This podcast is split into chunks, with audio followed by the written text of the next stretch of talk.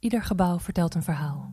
Een architectonisch manifest, een gestrande droom, een uitkomst van een toevallige samenloop van omstandigheden.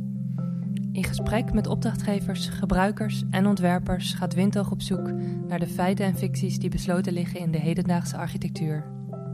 Dat brengt ons in dorpjes in de polder, De gemeente Opmeer is een, eh, een klein plaatsje in Noord-Holland met 11.500 inwoners, met bijna het dubbele aantal koeien. waar self-made man Dirk Scheringa de architect Herman Zijnstra vroeg een bakstenen museum te ontwerpen voor zijn collectie magisch-realistische kunst. Het moest een, een daglichtmuseum worden. Omdat juist dit soort werken ook gaan sprankelen als er een bepaald eh, echt licht op eh, valt. En waar, in navolging van het magisch realisme, ook de architect speelt met wat werkelijk en wat voorstelling is. De tijd die achter ons ligt in architectuur wordt natuurlijk gedomineerd door te proberen met minimale middelen een maximaal ruimtelijk effect te krijgen.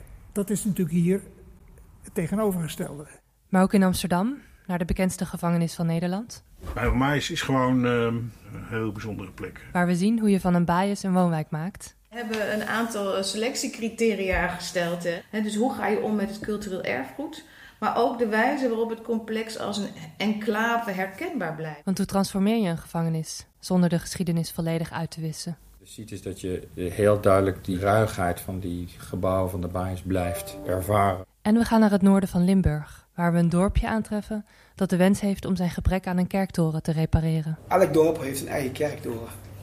En de gemeente Bergen die had geen kerktoren. Een ongewone vraag, vond ook Monadnock, het bureau dat geselecteerd werd om de toren te ontwerpen. Eh, het was belangrijker dat er een landmark, kwam, omdat daar een specifieke functie eh, voor bedacht was. Maar ondanks hun pogingen het opvallende torentje lokaal in te bedden, is niet iedereen in het dorp erover te spreken. Ja, wat vindt u van de toren zelf, hoe die eruit ziet? Ik vind het niet ergens opslaan.